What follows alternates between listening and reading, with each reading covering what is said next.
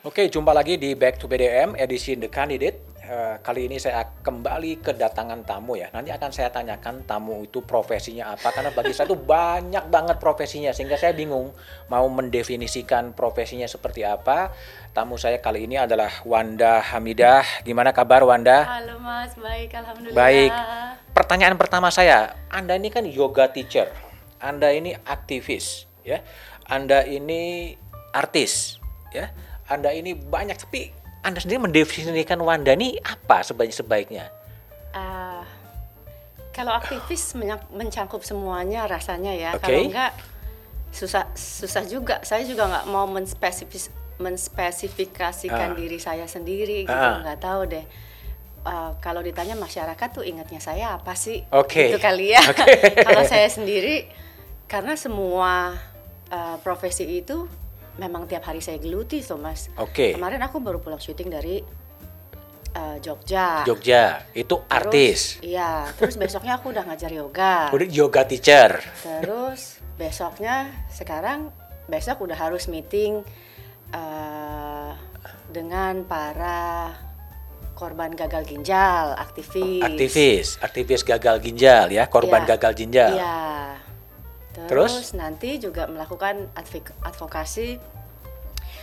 Uh, saya juga lagi kumpul sama teman-teman korban ITE. Korban ITE, aktivis Itu. politik, aktivis sosial. ya sosial Ah. terus eh, ya belum kegiatan di partai nanti kalau saya mulai kampanye lagi Jadi betul-betul multi talenta kan, ada yoga teacher, ada sebagai artis, juga sebagai notaris. iya saya notaris semenjak udah lama sih saya notaris dari 2006 2006. semuanya masih digeluti sampai sekarang Oke, jadi begitu banyak pro, tapi yang paling dijiwai profesi apa tuh kan? aku semuanya Semuanya Mas. dijiwai. jadi aku tergantung gini em, masyarakat tuh apa sih yang melekat dalam diri saya jadi Hmm. aku sih nggak keberatan mau dibilang artis aku nggak keberatan Hmm. dibilang politisi aku nggak keberatan gitu cuma memang ma- mungkin kebanyakan waktu saya mulai juga dari presenter news anchor News anchor. dulu juga gitu jadi pernah jadi wartawan juga kan selama dua tahun di Metro TV Iya, iya.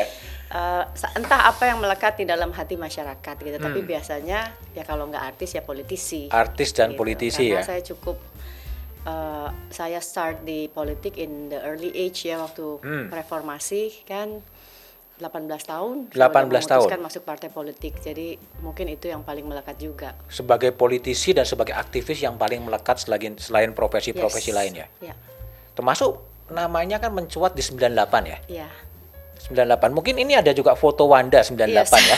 Bisa mungkin dimunculkan. Ya ini ini ini Wanda dengan Iya. baju merah gitu. Iya. Ingat di mana? baju ini? biru Baju Ya, biru. Trisakti biru soalnya Oke, Trisakti biru. itu ini di Trisak peringatan tragedi Trisakti waktu peringatan tragedi Yes. Trisakti. ya Eh, Trisaktinya kan di tahun 98. 98 ini, Ini di tahun satu tahun peringatannya tahun peringatannya. Iya. Anda waktu di Trisakti gimana peristiwa waktu terjadi penembakan itu?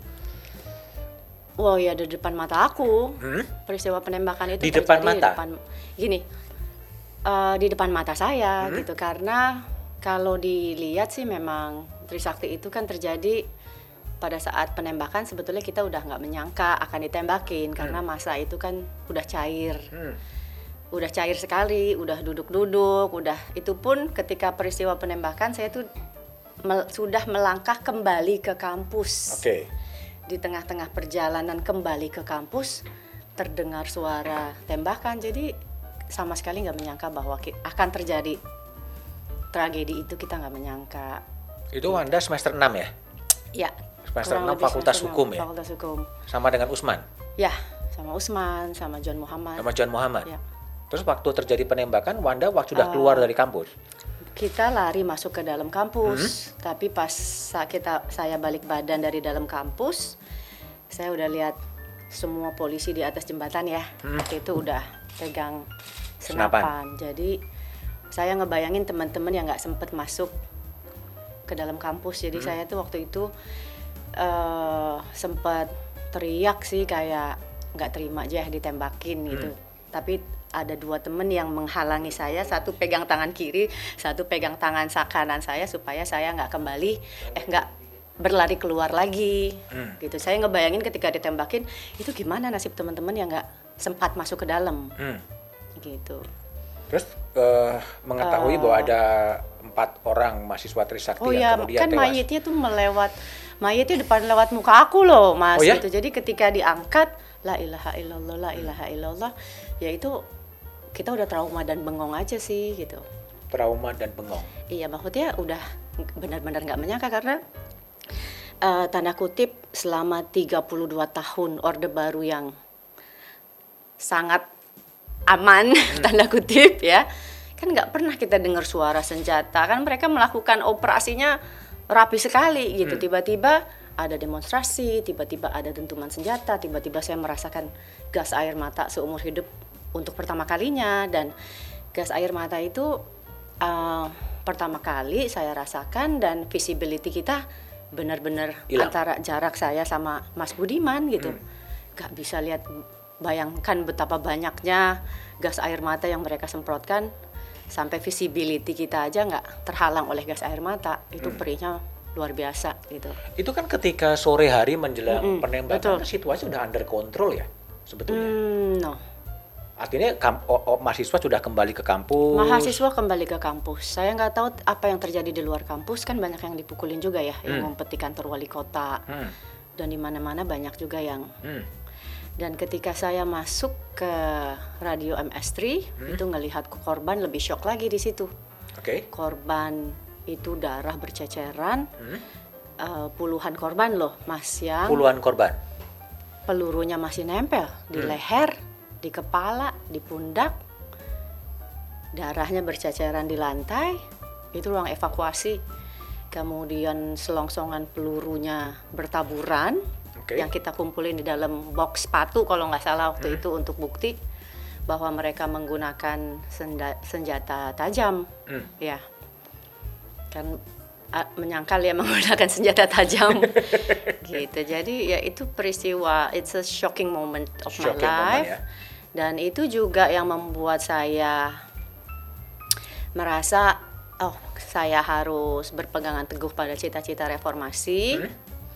Sampai hari ini ya Eh, karena ya tapi ya nanti it's another story juga ternyata pada saat itu tokoh-tokoh reformasi pada saat itu ya menurut saya mengkhianati reformasi. Reformasi. Coba kita lihat lagi ya. Ini kan salah satu uh, fotonya Wanda Hamidah Iya. ya, yang sedang uh, ini sama di Trisakti kan. ya, Terus uh, selanjutnya ini lagi Ya. demo ya. iya ini demo eh paling depan tuh, paling depan. Paling depan. jam 12 kira-kira kami kebanyakan perempuan di depan membagiin bunga mawar merah ya menunjukkan bahwa pengen Hmm. Peace. kasih tentara bahwa ini aksi eh, damai Hmm. gitu we want to do it peacefully peacefully Ya. demonstrate ya. Ya. Meskipun yang terjadi adalah uh, chaot- chaotic situation ya. iya Itu chaotic kalau menurut Wanda setelah direfleksikan itu disengaja atau enggak sih?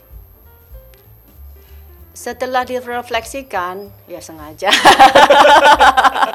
Sengaja dibikin kaos, chaos. sengaja karena mohon maaf ya memang su- suasananya udah cair dan hari itu kami juga udah lelah Hmm. dalam perjalanan kembali ke kampus gitu jadi aneh kalau ditembakin gitu loh Hmm. kecuali masanya tajam di dorong-dorongannya tajam gitu ya mas ya.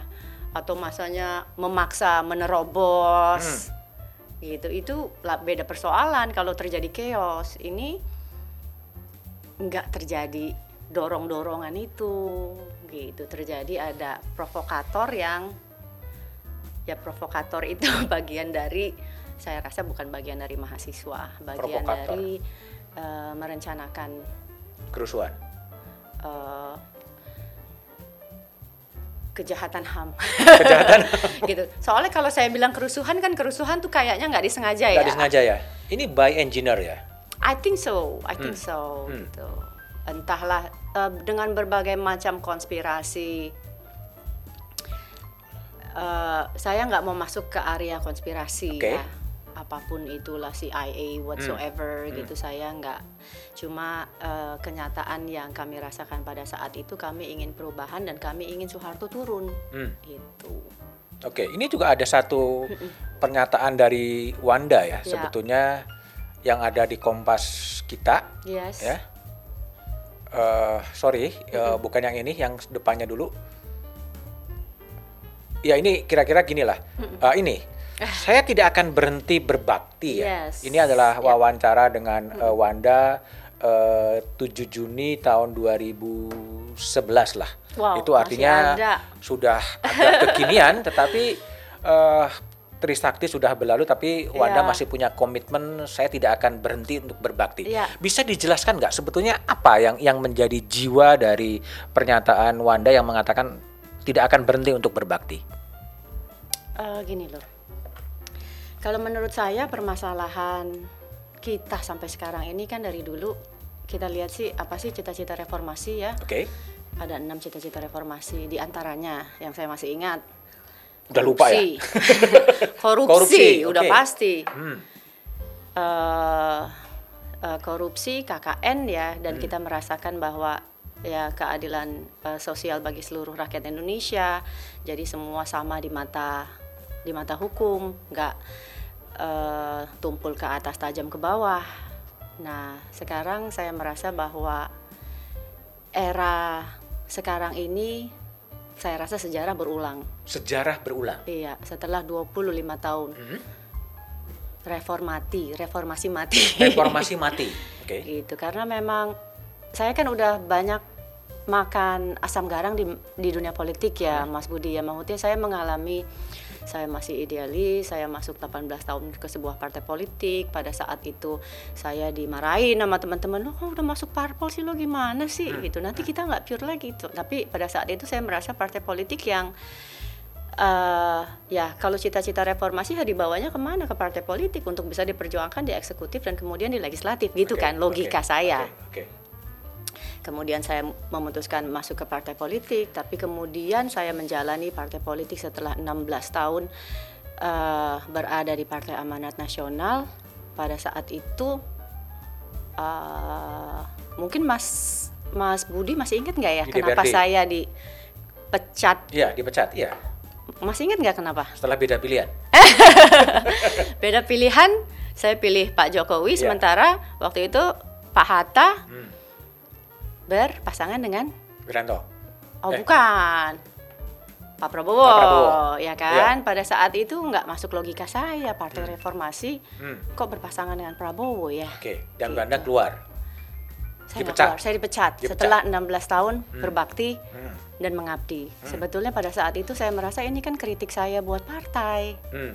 kok partai nggak masuk akal gitu it's ridiculous seorang Hmm. partai reformasi yang lahir dari darah Hmm.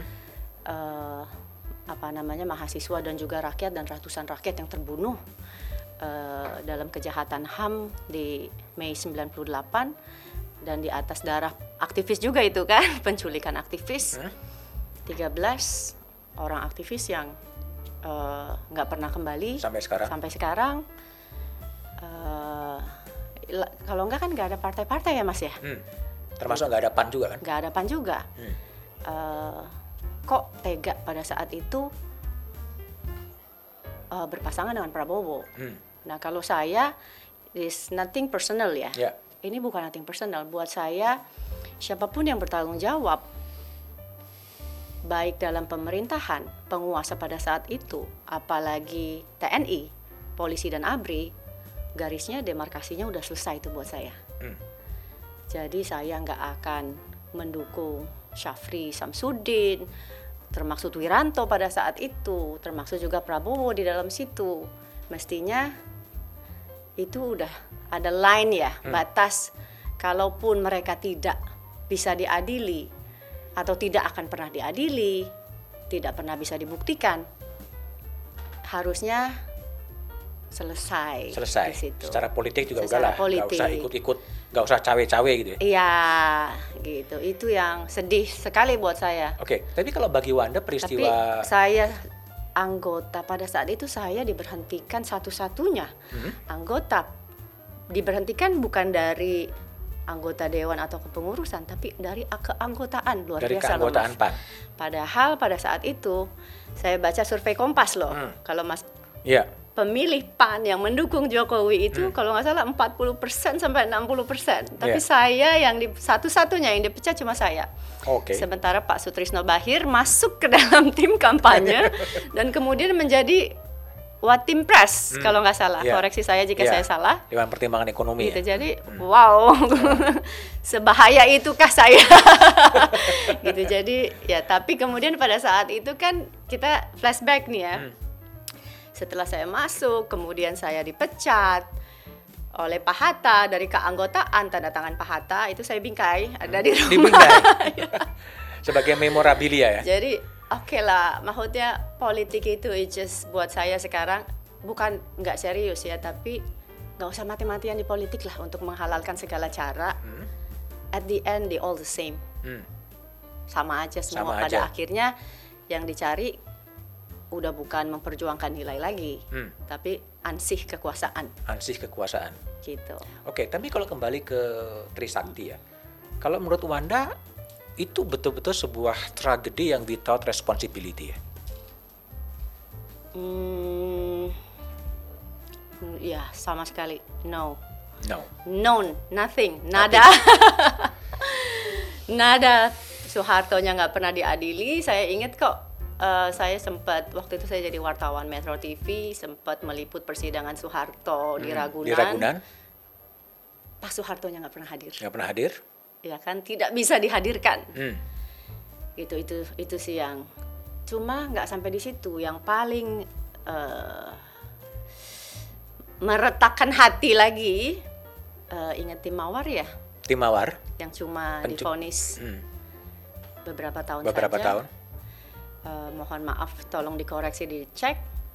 Mereka semua sekarang duduk di profesi Di posisi-posisi profesi yang sangat prestigious. Prestisius. Di antaranya di BUMN, luar biasa kan. Jadi bukan responsible lagi. Dikasih reward. Hmm.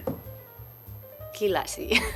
Apa yang Cuma ya maksud saya ya memang eh, setelah reformasi di setiap pemerintahan itu memang nggak pernah punya goodwill untuk menyelesaikan itu kan rasanya ya gitu. Makanya ya saat itu juga ya Gus Dur cuma sebentar sayangnya ya. Kemudian ya Habibie, Gus Dur, Megawati sayangnya juga nggak bisa menyelesaikan itu. Ya malah ya pada saat itu terlibat ke- kebijakan BLBI ya. Hmm. kemudian ternyata SBY apalagi makanya bukan apa-apa ya saya waktu itu kan juga eh, kenapa nggak mau tentara gitu ya. karena saya pesimis untuk bisa menyelesaikan itu. Kemudian sekarang eh, Pak Jokowi juga janji-janjinya saya dua kali loh tim sukses Pak Jokowi masuk tim kampanye nasional juga. Cuma agak um, I'm very upset di periode kedua Pak Jokowi terus terang gitu karena Upset karena? Ya pertama, eh,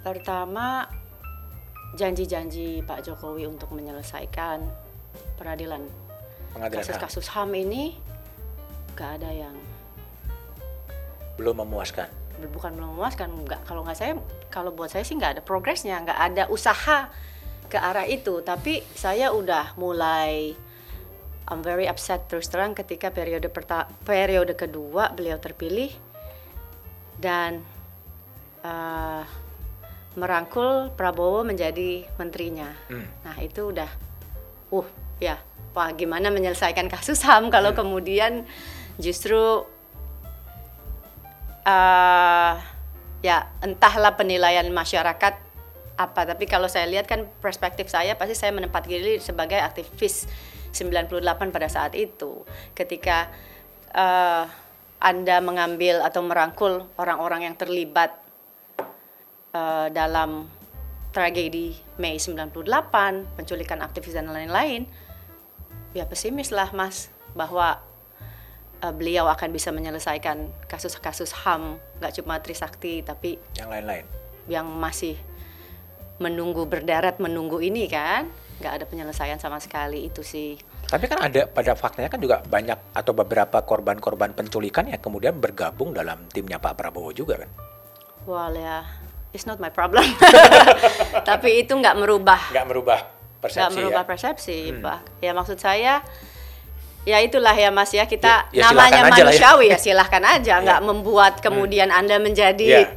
bersih Ya. atau clean gitu, Ya. atau juga kemudian memberikan sumbangan kepada korban-korban, memberikan rumah Hmm, kepada tempat tinggal korban kepada Trisakti. korban-korban Trisakti terus apa kemudian itu membuat anda bersih Hmm. itu kan enggak ya Like political laundering gitu ya. ya ya enggak ya gitu Oke. maksud saya apa ya kok mudah sekali gitu Hmm. enggak enggak it's not the way it works ya Hmm. Oke. Salah satu tuntutan reformasi kan salah satu adalah penyelenggaraan negara yang bersih dari korupsi, kolusi dan Yes, nepotisme. yes, yes, yes. 25 tahun sejak reformasi sampai sekarang juga kondisinya menurut Anda Sama. gimana? Sama. cenderung kembali lagi Hmm. Ya jadi artinya gini loh mas, aku ngelihat nih kalau makanya aku nggak pernah tadi kan kenapa profesiku banyak, aku nggak pernah mati-matian di politik gitu. Nggak pernah mati-matian di politik ya? ngerasa hidup matinya di politik, Heeh. kayaknya kalau nggak di politik, wah gue mati. I'm Hmm. nothing without politik gitu. Hmm. I'm still something with pol- without politik gitu. Jadi kalau jadi kalau saya dipecat ya nggak apa-apa. Hmm. Saya masih banyak kerjaan yang lain kok Hmm.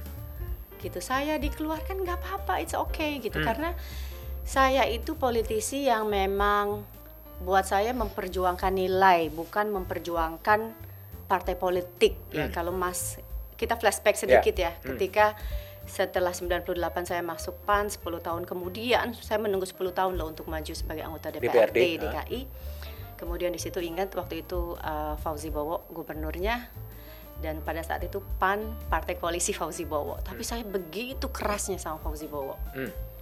mungkin kalau saat itu saya bukan siapa-siapa saya udah dipecat oleh partai udah lama Hmm. gitu karena partai koalisi tapi kemudian saya kritik keras Fauzi. uh, pemerintahan Pak Fauzi Bowo termaksud kita saya mencoba pada saat kasus Mbah Priuk Hmm.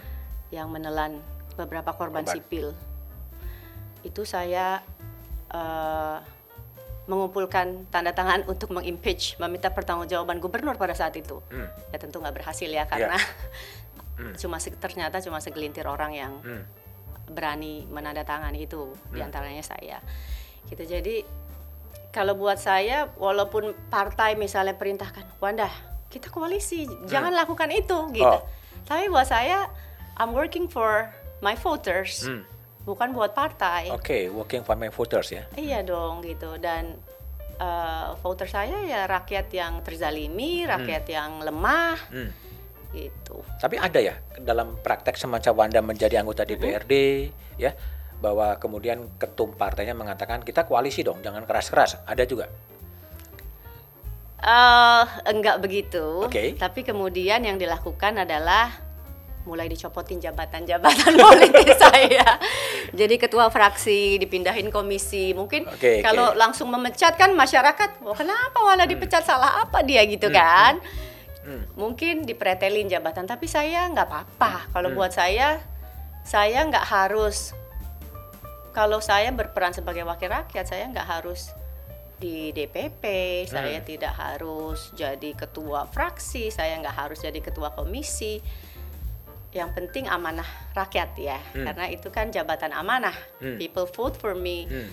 dan saya harus ketika ada kepentingan yang bertentangan antara partai politik, keputusan partai politik dan keputusan kepentingan rakyat, saya harus ada di pihak Rakyat. rakyat. Itu sering beberapa kali pernah terjadi benturan antara aspirasi untuk working for my voters dengan instruction dari political party. Hmm, enggak, waktu di DPRD DKI sih tidak, Tidak? tidak, tidak secara nggak dapat SP1, SP2 gitu Hmm. enggak sih. Hmm. Gitu. Tapi seninya gimana? Seni untuk pada ya satu sisi. paling saya dicopot-copot, dipindah-pindahin Oh. aja gitu, tapi nggak secara eksplisit pemecatan enggak. Hmm. Itu. Copot ya copot pindah ke tempat lain ya. Iya. Pindah Kan ke alasannya rotasi, gantian Oke. gitu.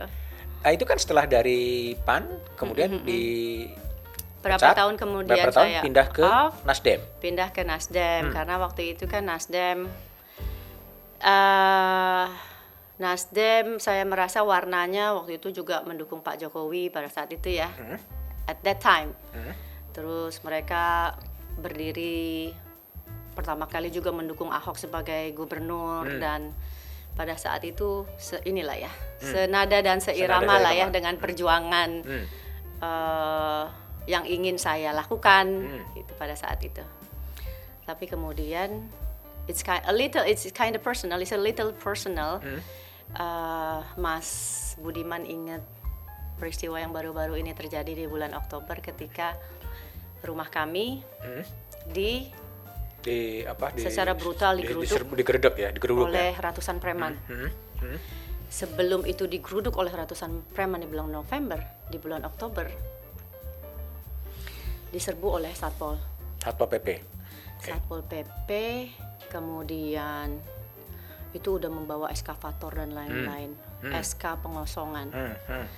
SK pengosongan itu kami dianggap tanpa eksekusi hakim loh, Hmm. Tanpa pengadilan. tanpa pengadilan loh, Hmm. yang eh, itu terjadi tidak lama tanggal 16 kalau nggak salah tolong koreksi jika salah 16 Oktober Anies selesai masa jabatannya 14 Oktober dilakukan itu Hmm. jadi tiga hari sebelum masa jabatan Anies selesai Hmm. Diruntut-runtut. Ternyata diruntut-runtut pada saat itu ternyata oh petanya Anies Baswedan masuk mendapat dukungan pemuda Nasdem. Pancasila. Oh, belum Pancasila. pemuda Pancasila dulu ya. Ini kan yang ingin mengambil rumah tinggal kami yang sekarang udah diambil. Ini kan tokoh Hmm. ormas tersebut Ya. ya. Kemudian pada saat itu, eh pada saat itu saya ngomong ke salah satu ketua, ini milik kami, Hmm. gitu. Kan saya udah lihat petanya kan, kemudian pada saat itu wakil salah satu wakil ketua umum Nasdem, kok saya minta per- perlindungan dan pertolongan partai saya, malah ketika satu menit bentrokan Terjadi. Wanda keluar dari situ itu bukan itu punya saudara X Hmm. wah wakil ketua umum partai Partai Nasdem. Hmm. uh sakit hati ya mas ya Hmm. gitu jadi wow kok nggak anda nggak melindungi kader bukan yang salah loh ini Hmm. Yang benar loh. Hmm. sakit hati lah saya mas ya. Oke. diperlakukan ketika udah mengabdi beberapa tahun diperlakukan seperti itu. Dan itu tercatat di CNN News. Hmm. apa statement wakil ketua umum partai kok wakil ketua umum bekerja buat ormas sejak kapan? Gitu ya. Wakil ketua umum membela ormas bekerja buat ormas ya udah ternyata rantainya ada kepentingan yang lebih besar yang harus dilindungi Hmm. jadi ya kamu mungkin kader ece-ece nggak dianggap lah ya, Ya, ya. gitu ya itu sih Dari Ya, situ semuanya. kemudian Wanda keluar dari Nasdem. Wah, udah dizalimi gitu ya Anda keluar atau di apa di nggak di- ada dua-duanya saya nggak it just came naturally aja Oke. menurut saya juga saya bicara ke salah satu ketuanya juga mengadukan ini they're just quiet aja Just jadi quiet. I think they cannot do and say anything ya Hmm.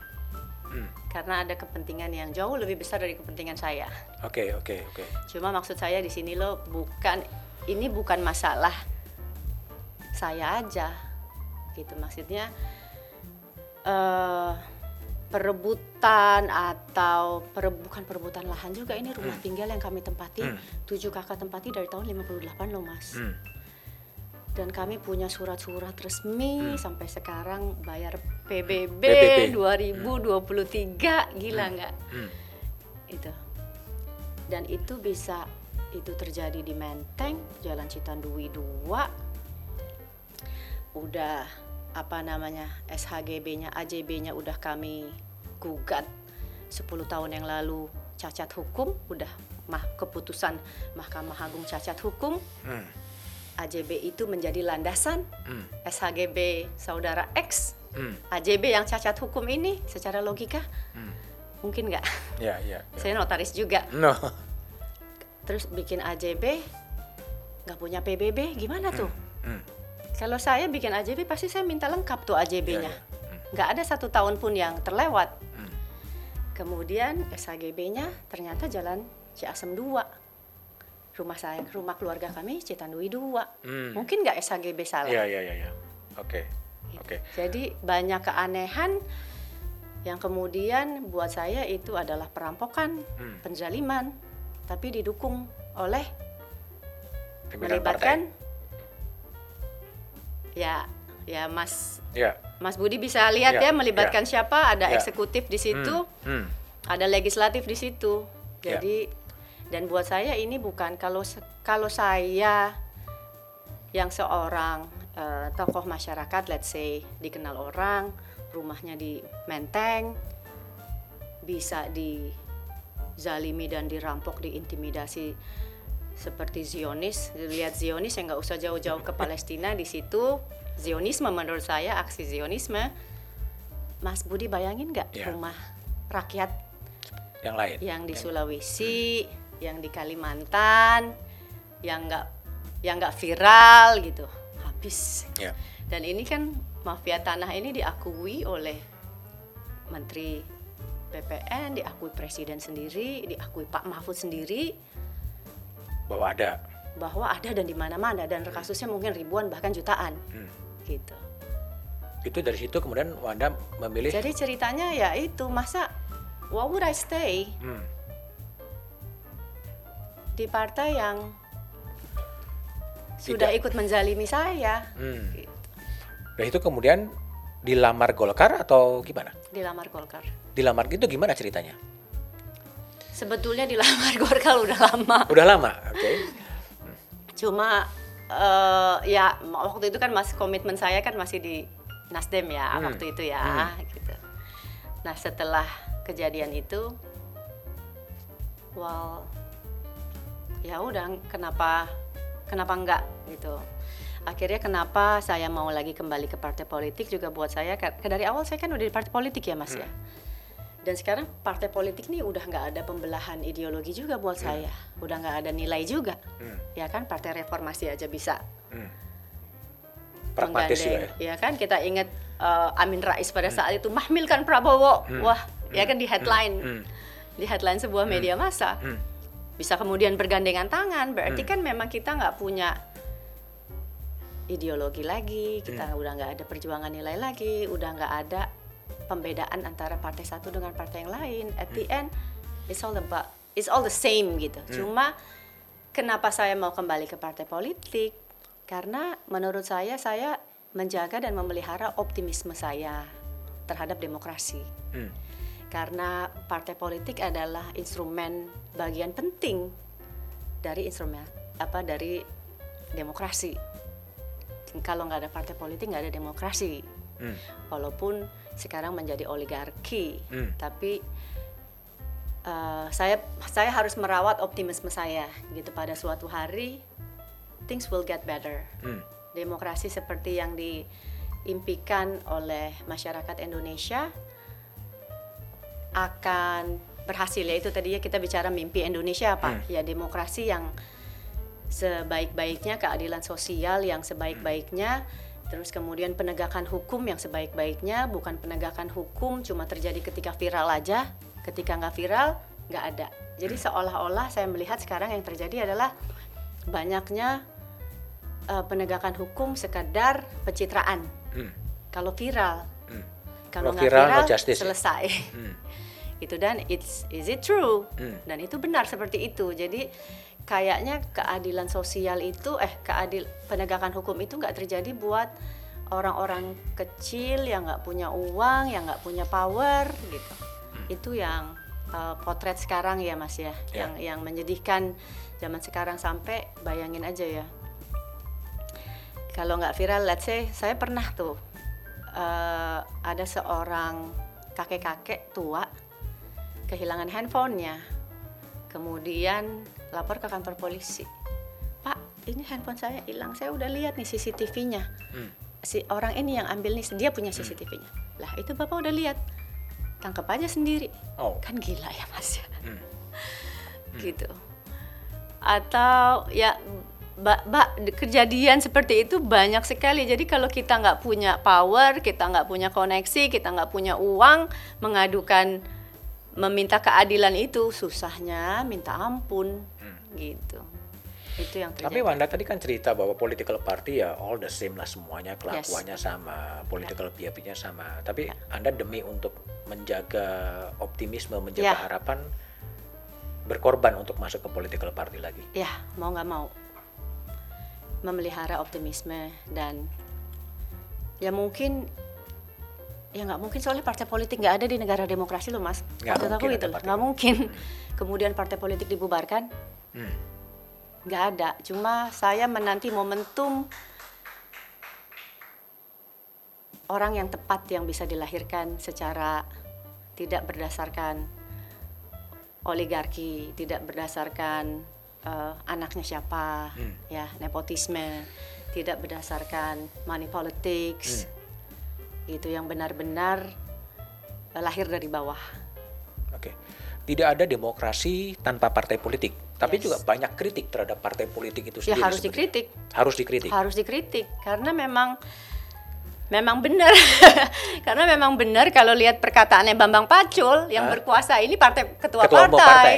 Gitu. Memang betul. Wah, ya ya oh, ya come on ya kan semua itu kan dengan itu kan diperlihatkan terus Iya, iya. gitu kan diperlihatkan terus kita nonton terus kita lihat di koran kita lihat Hmm. di TV itu kan diperlihatkan oleh para Ketua umum. ketua umum kita ya kan Nah, kalau kalau konstruksinya adalah bahwa partai politik ya, memang di- mestinya idealnya para anggota DPR ini berani berbicara. Oke. Cuma sekarang ini kan yaitu instruksi partai, instruksi partai gitu Hmm. kan.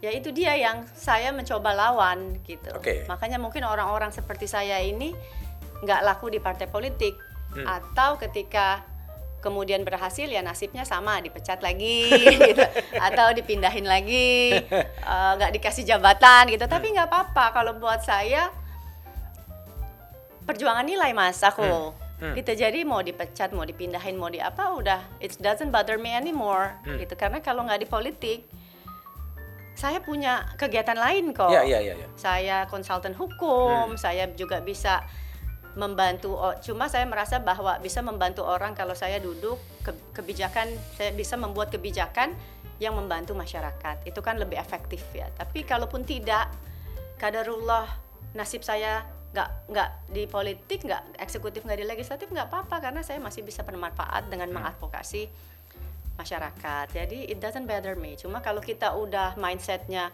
kekuasaan, kekuasaan eh, mau menghalalkan segala cara itu udah salah. Hmm. Dan most of the politician do that. Hmm. Gitu kayaknya kalau gue selesai I'm nothing. Hmm. Gitu kalau saya I'm still something, nggak di politik gitu. Hmm. Jadi akhirnya mereka melakukan segala cara. Satu periode mau dua periode dua periode mau tiga periode mau empat periode dan seterusnya. Kalau nggak dibatasi ya kan? Wacana penundaan pemilu udah mulai ada kan? Hmm. udah keras berlangsung. Jadi memang ternyata secara lahiriah itu memang mohon maaf libido manusia terhadap kekuasaan tuh Tinggi banget. Tinggi sekali gitu yang dua udah dua periode aja Minta tiga. minta tiga gitu. Kadang-kadang saya berpikir dan biasanya ini udah bagus kita dua periode ya. Apa jangan-jangan harusnya satu periode aja? Bener loh mas. Gitu karena kita lihat ya, kita analisa deh. Ini kita Hmm, ngobrol. eh, ini ya, Ya, diskusi ya. Oke. Lihat SBY di periode satu, Hmm. lihat Pak Jokowi di periode dua. Hmm. Eh periode satu Betul. juga Hmm. bagus sekali ya. Ya, periode kedua. Begitu masuk kedua, lihat undang-undang yang dihasilkan. Hmm. ya nggak bisa bilang bahwa wah itu kan DPR nggak Ya. bisa bilang kita ta- tahu kan cawe-cawenya Hmm. partai politik itu seperti apa ketua partai politik gitu jadi ketika periode kedua aku wow saya udah gelisah tuh sebetulnya dengan revisi KPK Ya. wah dan terbukti Hmm, jadi. ya dan terbukti juga hasilnya Hmm, beberapa anggota KPK yang hmm. melanggar kode etik. Ya biarin juga di situ. nah iya kan? Hmm. gitu. Itu udah udah deg-degan juga saya. Maksudnya di periode kedua dengan dalam tanda kutip merangkul Prabowo sehingga menjadi koalisi yang sangat gemuk. Buat apa koalisi yang sangat gemuk? Untuk meloloskan semua perundang-undangan yang dalam tanda kutip banyak yang enggak dalam tanda kutip sih banyak yang meresahkan kita dan udah terjadi Hmm. di antaranya apa ITE Hmm. Bayangin nggak? Di era demokrasi yang semakin maju ada undang-undang ITE Hmm. yang saya bergabung dengan korban ITE, Mas. Itu ratusan, mungkin ribuan orang Ribuan orang. yang anak SMP kemarin terakhir ya. Jambi. Kok kita nggak bisa mengkoreksi bupati lagi? Kenapa kita nggak bisa mengkoreksi wali kota? Kenapa kita nggak bisa mengkoreksi presiden lagi? Padahal di negara yang demokrasinya semakin maju, kritik terhadap pejabat negara itu dilindungi oleh impunitas. Anda banyak mengkritik situasi kontemporer sekarang ya, dan Iya. memang sangat masih sangat berjiwa aktivis itu. Saya membayangkan nanti berada di Golkar juga Anda nggak konflik batin lagi itu. Pasti. Pasti makanya saya udah banyak asam garam jadi saya Hah? udah siap mental. Siap mental. Iya, jadi kalau suatu saat misalnya gini loh, misalnya oke kita st- uh, apa namanya ketok palu undang-undang RUU Cipta Kerja setuju semua interupsi gitu kan. gitu pokoknya mohon maaf ketua, saya Wanda Hamida menolak misalnya Hmm. Supaya Oke. masyarakat harus tahu saya menolak loh. Oke, voting Entah- recordnya jelas ya. Voting recordnya jelas Oke. itu nggak apa-apa. Hmm. Kemudian saya dihukum partai politik dipanggil ketua umum dan suruh dipecat ya, Ya sudah. saya udah tahu resikonya, Hmm. kan udah sering. Gitu, jadi tetap tetap menjadi dalam tanda petik dalam arti positif menjadi menyuarakan voters ya. iya dong, Bahkan tapi bisa dikonstruksikan menjadi anak nakal di partai politik. iya nggak apa-apa. Anak nakal demi kebaikan ya. Demi kebaikan, iya. Kalau saya masuk DPRD kemarin itu saya pasti akan tolak keras ITE itu. Hmm. Udah para aktivis itu kan udah khawatir dan terjadi. Hmm. Anak SMP di penjara mautnya dijadikan tersangka seorang dosen yang mengkritik Hmm. perekrutan di universitasnya Hmm. Jadi tersangka seorang bahkan kita nggak bisa mengkritisi suatu produk lagi saya pakai produk ini muka saya gatal-gatal Hmm. jadi tersangka Hmm. kok nggak dilindungi undang-undang konsumen kan gila mas Hmm. saya bilang eh itu bohongan loh eh acara itu ternyata kemarin ya Iya, iya, iya. saya sempat di ITE Hmm. ke- yang sempat viral bahwa saya mengatakan eh itu bukan Paris Fashion Week loh Hmm. Ya. Gila. maksudnya Hmm. Is that insane gitu saya jadi mau ditersangkakan Hmm. dengan ITE jadi kita udah nggak bisa ber- mengkritik lagi kita udah nggak bisa mengatakan yang benar lagi mas Hmm. kan kemunduran total ya Oke. buat demokrasi ya Tapi gini juga Wanda, eh, banyak juga caleg-caleg yang kemudian dari aktivis-aktivis ya ketika masuk ke DPR, ketika masuk ke political party, kemudian juga menjadi dalam tanda petik Iya. menjadi jinak sebetulnya.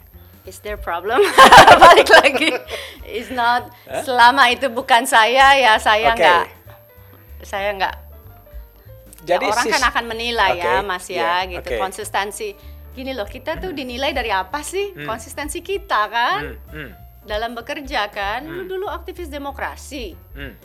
ya kan sekarang undang-undang ITE orang nggak bersalah ditangkepin diem aja hmm. konyol What's wrong? Hah? Ya udah. Eh keenakan, mungkin keenakan. Kemudian haus kekuasaan, mau terus bertahan, mau terus menjabat, mau terus eh banyak banyak motivasi yang pasti sifatnya material dan kekuasaan ya. Jadi Wanda memang tetap akan menjadi aktivis juga di parlemen dan Insya akan Allah, meneriakkan eh, apa yang seharusnya diteriakan. Yes, insya Allah. Meskipun itu resikonya adalah benturan dengan kebijakan-kebijakan partai. Ya. itu yang saya lakukan dan insya Allah akan terus saya lakukan. Nyaleknya di mana? Di dapil mana? Jakarta Selatan, pusat luar negeri. Oh, Jakarta 2 ya? Ya, DKI 2 ya? kalau belum berubah ya. Belum Nggak tahu juga nih. Apa pun, anything it can happen, Can happen ya? Di- Hmm. Tiba-tiba namanya nggak ada, tiba-tiba dipindahin dapil lain, I don't know. Tapi Tapi sampai sekarang adalah DKI 2. Yes. Jakarta Selatan, Ya, ya. luar negeri dan timur ya. ya, basis. Apa yang dipersiapkan untuk men- me- apa menjadi caleg?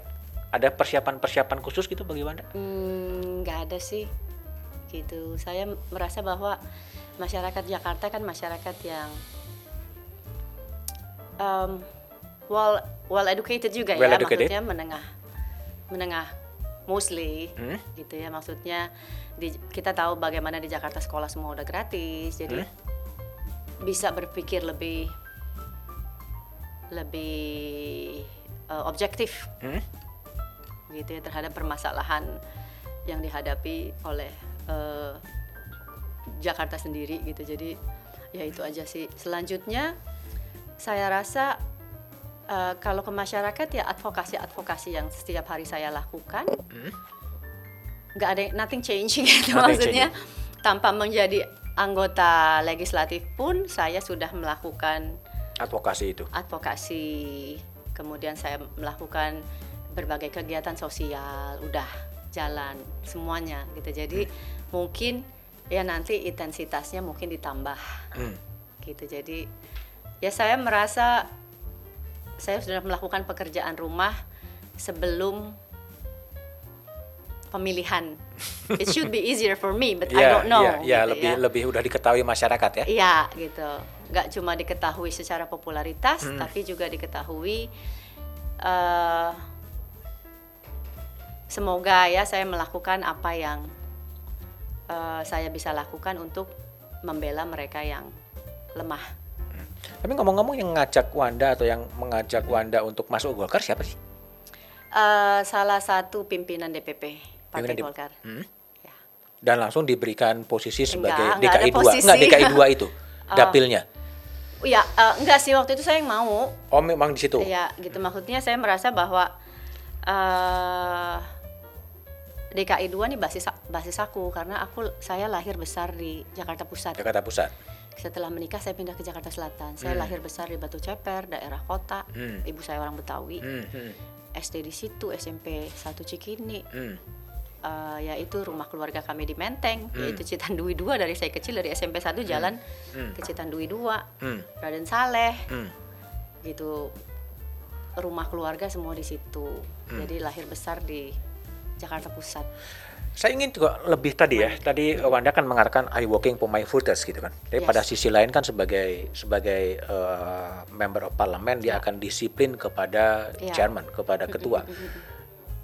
Gimana Anda akan mencoba artinya gini loh sebetulnya waktu di partai itu kan kalau saya dalam pengurusan saya punya akses untuk menghadiri rapat-rapat dan kemudian menyuarakan pemikiran Hmm. ya Eh, ITE nih tolong dong kita gimana ini misalnya ya gimana eh, suara Partai Golkar seperti apa? Undang-Undang Cipta Kerja suara Partai Golkar. Maksudnya saya punya akses untuk berdiskusi ya entah itu kalau saya kalah dalam diskusi ya itu kan musyawarah mufakat ya.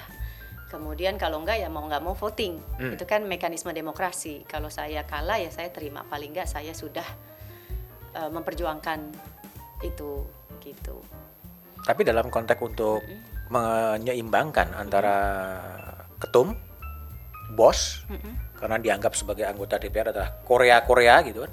Kalau menurut Bang Manyu kan Korea-Korea Iya. tergantung pada bos dan Iya. Wanda yang berjiwa sangat aktivis nih pasti akan ada ketegangan-ketegangan di sana kan kalau memang aspirasi dari partai dan aspirasi dari voters berbeda. nggak apa-apa sih mas Nggak apa-apa. saya tuh udah biasa maksud saya kalau saya di politik tuh bukan tempat mencari teman memang mas. Bukan kalau tempat mencari, mencari teman ya nanti teman SMP teman SMA teman kuliah aja. Memang bukan tempat kita untuk Oke. jadi dari politik kita tahu nggak ada kawan nggak ada lawan kan Ah, ya? ah. gitu. Saya nggak punya teman politisi.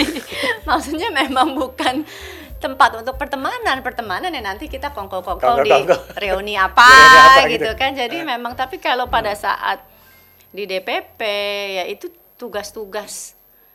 Dan sebetulnya di politik juga bukan pertemanan tapi bukan musuhan. It's nothing Yeah. personal there Yeah. ya gitu. Jadi kalau saya benci sama ya itu karena anda penguasa pada saat itu dan anda memegang peranan penting. Jadi it's nothing personal kemudian timbul kebencian dendam is is nggak bekerja seperti itu gitu ya.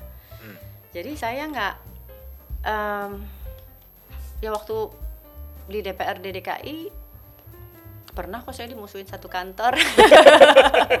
Jadi memang kan karena di- saya ngelaporin amplop ke KPK terus oh siapa yang ngelaporin Wanda? Oh dimusuhin. Wah so inilah so itulah gitu. Jadi ya nggak apa-apa. It's okay. Da- dalam sistem yang seperti itu ya, dalam sistem yang kalau em, semuanya dilaporkan dan lain sebagainya kan pasti tadi menjadi oh enggak bukan berarti saya nggak punya toleransi. Ada mas Ada ya, tetap. Nggak. di politik toleransi harus, Harus. ya. Tinggi Hah? tetapi tingginya yang nggak segini nggak full ya cukup segini bukan Oke. berarti saya nggak punya Ya, toleransi ya, ya, punya ya, ya. loh Oke. punya toleransi jadi waktu itu eh ya kalau ada apa-apa teman-teman gitu ya saya tutup mata tutup telinga deh Oke, oke. Uh, Oke. it's not my problem gitu Iya, saya iya. nggak mau masuk ke area Yang lebih private. yang dilakukan Ya, oleh orang-orang lain. ya gitu jadi itu kan toleransi mas Iya dong ya Oke. kan kemudian eh, tapi ketika saya melakukan sesuatu ya tolong dihargai juga gitu Hmm. aja sih Tapi Wanda punya nggak resep untuk men- menjalin eh, komunikasi dengan konstituennya nanti? Akan gimana dikerjakan? eh apa aja sih mas mungkin mungkin gini kalau sekarang jangkauannya nggak apa ya namanya jangkauannya mungkin masih sedikit mungkin in- nanti intensitasnya semakin lama gitu jadi anything ya kalau saya diminta ses- sesuai dengan expertise saya teman-teman kalau masyarakat ingin konsultasi hukum dan pendampingan advokasi terutama hal yang adalah expertise saya Hmm. pasti saya Hmm. lakukan. lakukan. Saya nggak pernah menolak untuk ketika orang meminta bantuan kepada saya. Hmm. Itu kan bagian dari ya nanti kan setelah terpilih itu yang harus saya lakukan gitu Hmm. apa yang menjadi eh, keluhan masyarakat selama ini. Kemudian juga aktivitas sosial lainnya ya mungkin tiap Jumat kami mengumpulkan eh, sesuatu baik itu eh, sembako, nasi box atau bantuan yang eh, kasualitas Hmm. ya eh, baju bekas, obat-obatan untuk mereka yang membutuhkan gitu. Kembali lagi, ini juga pertanyaan banyak orang ya. Ini kan kalau kita lihat berbagai survei soal political party, soal parlemen, itu kan memang paling rendah dibandingkan lembaga-lembaga negara lain gitu. Tingkat kepercayaan publik pada Masih lebih partai tinggi political party apa apa sama lah, kepolisian? masa ya karena polisian lagi lagi Iya, iya. naik, lagi naik gitu. Iya, iya. Tapi Wanda memilih untuk join di political party. How to improve the pers- public perception soal political party itu sebetulnya? Hmm, nggak ada sih, nggak ada. Karena memang ya masalahnya pasti people have to vote. Hmm. Masyarakat harus memilih. Ketika memilih dia memilih apa partai politik. Yang adanya begitu. Nggak karena independen aja belum kuat. DPD aja belum nggak kuat. Nggak jalan. Sengaja di apa Di- di- namanya dikerdilkan. dibikin untuk ya dikecilkan sehingga tidak mempunyai kapasitas sebesar anggota DPR RI yang berada di partai politik gitu kan kita nggak punya lagi calon calon independen masuk DPD juga Wan kenapa nggak masuk DPD saya masuk DPD uh, buat apa juga kalau saya nggak punya nggak punya suara.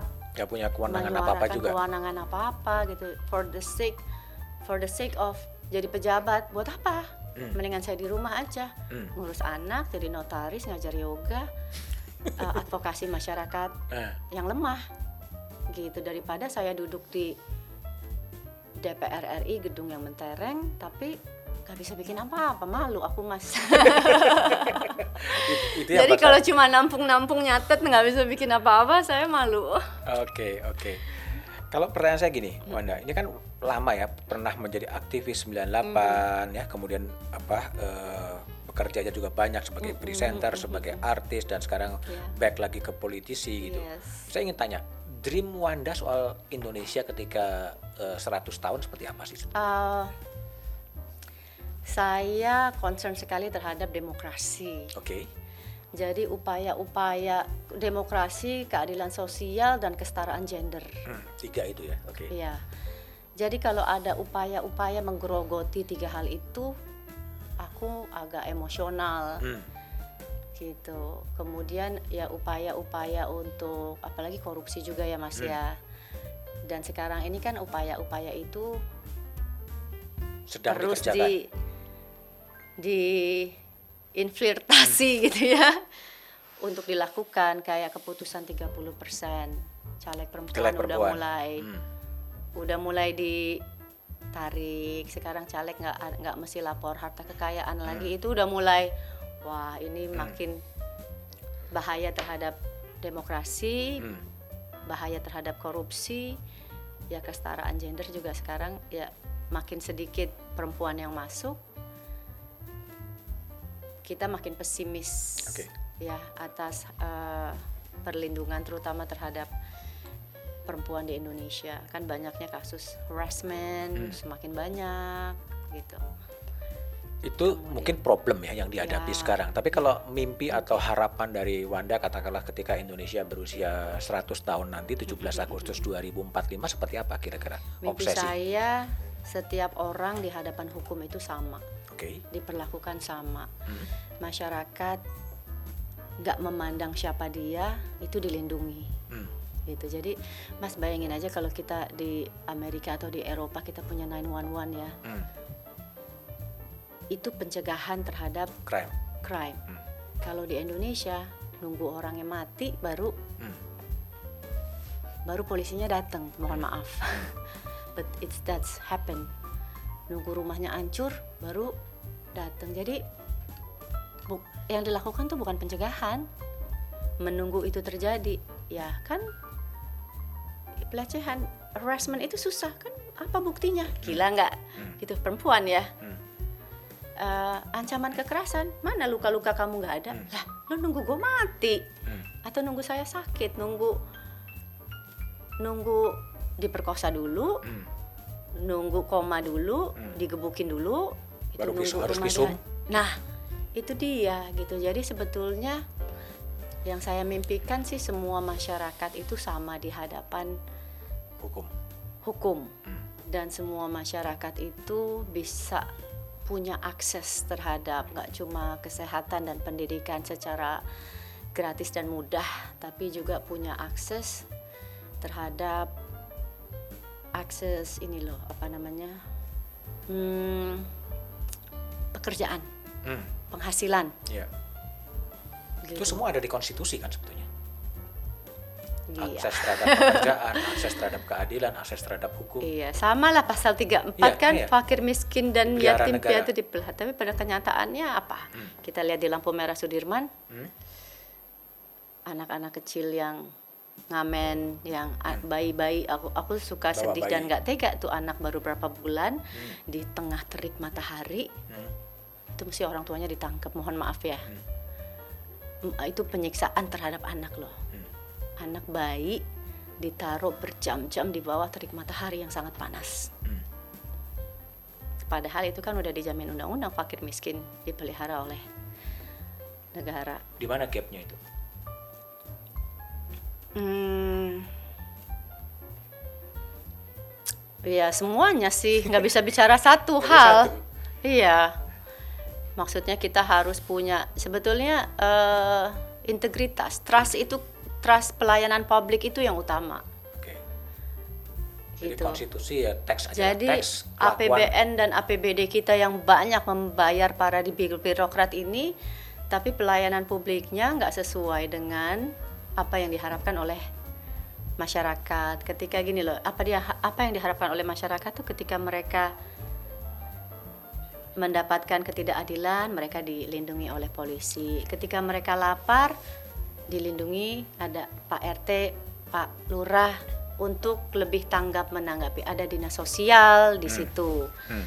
kemudian ketika mereka nggak bisa sekolah ada dinas apa gitu jadi mestinya yang proaktif bukan masyarakatnya you should look around Hmm. area sekitar kamu gitu kan? Wali kotanya bertanggung jawab bupatinya bertanggung jawab dari lurahnya bertanggung jawab.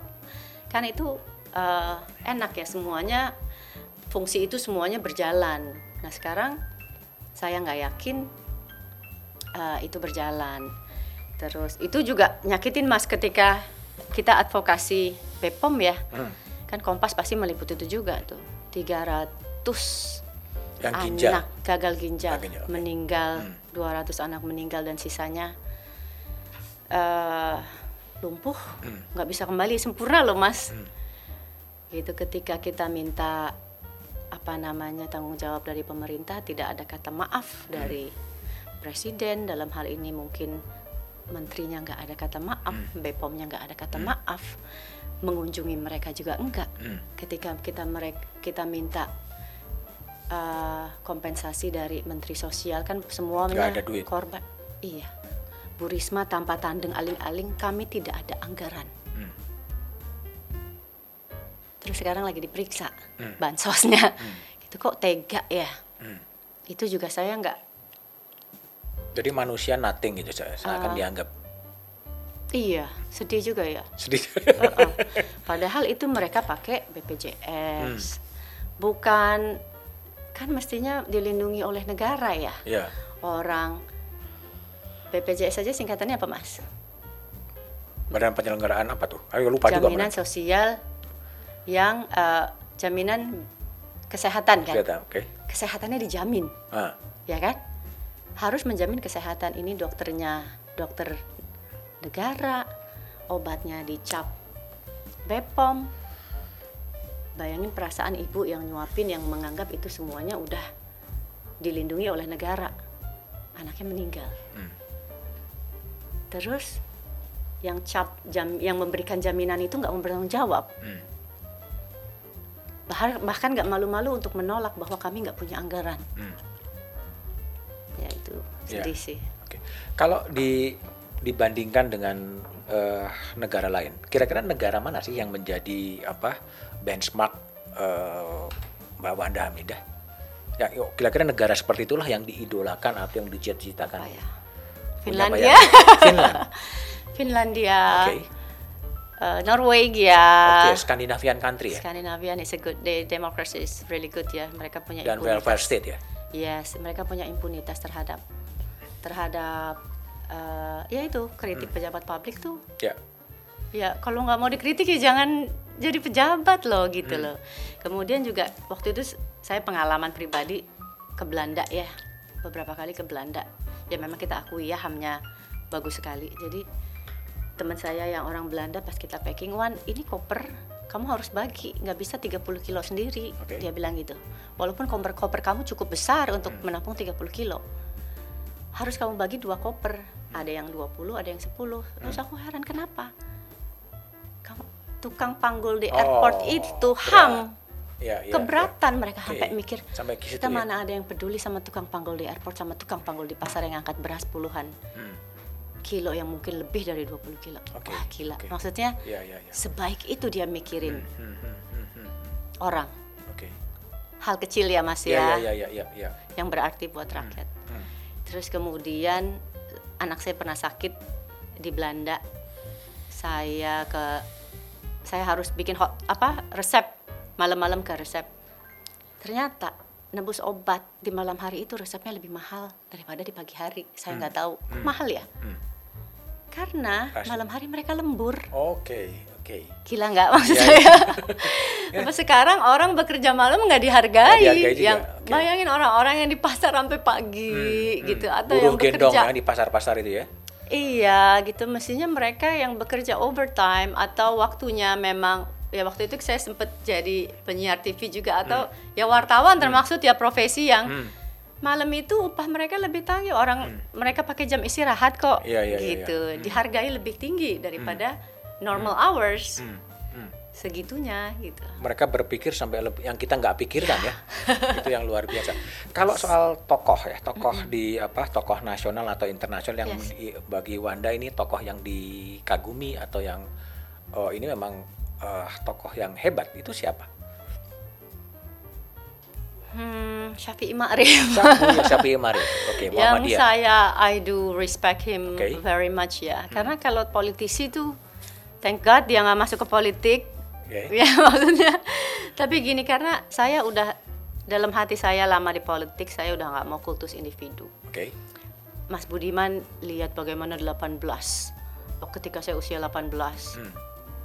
Emang saya begitu mengagung-agungkan Amin Rais. Hmm. yang kemudian saya kecewa sendiri. Hmm. Kemudian saya kecewa luar biasa gitu. Ya sebabnya tahu lah ya, Ya, gitu. Eh, kemudian itu memang ternyata kultus individu tuh nggak boleh dan nggak baik. Hmm. Kemudian juga, wah saya kurang apa bekerja untuk Pak Jokowi pada saat itu. Tapi upset juga akhirnya. Hmm. Upset juga. Hmm. Yang di periode kedua. Hmm. Eh, ya saya belajar untuk tidak buru-buru Menjadi Me- pemuja berlebihan. ya mengagung-agungkan memuja-muja orang berlebihan itu pelajaran Hmm. itu pelajaran yang paling besar dalam hidup saya Gitu, tapi sebaiknya juga mungkin tidak tidak menjadi Oh, pembenci enggak. berlebihan juga tidak sebetulnya. tidak tidak nggak boleh It's Karena semuanya hate, manusia, hate. kan? nothing ya balik lagi nothing is personal buat saya Hmm, hmm, hmm. no hate it's no personal gitu cuma Hmm. eh, ya saya setuju kita nggak manusia nggak boleh menyimpan dendam bahkan Hmm. ya Buya Hamka mengajarkan kan ketika dia dizalimi oleh eh, Soekarno pun pada saat itu dia masih hadir di menyemayamkan jenazah Bung Karno itu tokoh-tokoh seperti itu yang eh, saya kagumi bahkan juga waktu itu juga kalau nggak salah Pak Fatwa juga Hmm. ketika dizalimi oleh Soeharto tetap hadir dia Oke. Oke. kebesaran jiwa kita Hmm. Har- ya kita harus punya kebesaran jiwa untuk menjadi seorang negarawan. Nah itu dibuktikan dengan seiring berjalannya waktu ya tokoh-tokoh seperti Buya Hamka, seperti eh, Pak Syafi'i Ma'rif. Ma'rif, kemarin juga kita kehilangan Mokhtar Pobotinggi, Muhammad Pak Tinggi. Oke.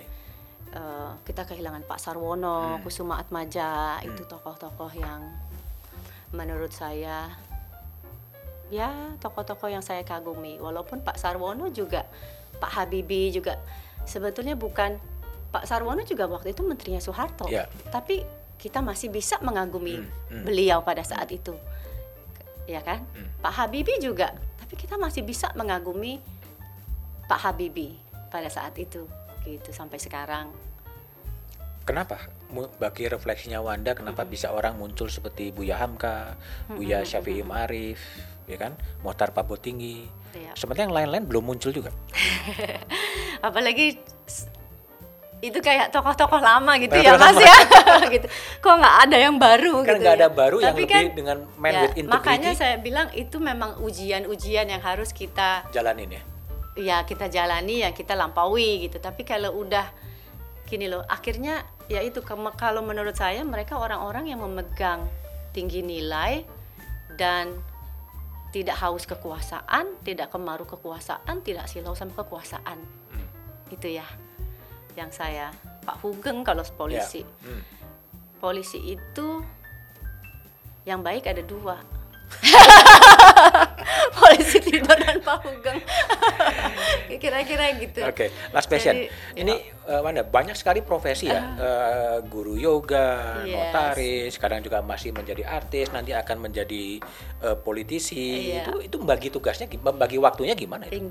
Kalau saya saya melakukan semuanya dengan passion Passion. and it's priority Hmm. ya jadi kalau pada hari ini wisuda anak saya lebih Oke. penting saya harus hadir dulu Hadir. ke wisuda anak Oke. saya Ah. selanjutnya saya bertemu uh, Mas Budiman selanjutnya nanti uh, mestinya tadi saya ke pengadilan tapi nggak apa-apa Ah. ke pengadilan bisa minggu depan juga ada Oke. pengadilan lagi saya meeting Hmm. dengan uh, tim lawyer untuk advokasi suatu kasus Hmm. jadi saya nggak punya resep membaginya gimana tapi Jalani aja lah ya. jalani aja karena semuanya saya lakukan dengan hati Dengan yang hati. Gembira dan hati yang ikhlas. Meskipun kadang-kadang jadi politisi frustrasi juga ya. Oh frustasi. Saya ingat saya masuk DPRD DKI itu satu bulan saya turun 5 kilo Karena karena merasa I'm stuck. I'm stuck. Apa yang ingin saya perjuangkan Gak bisa.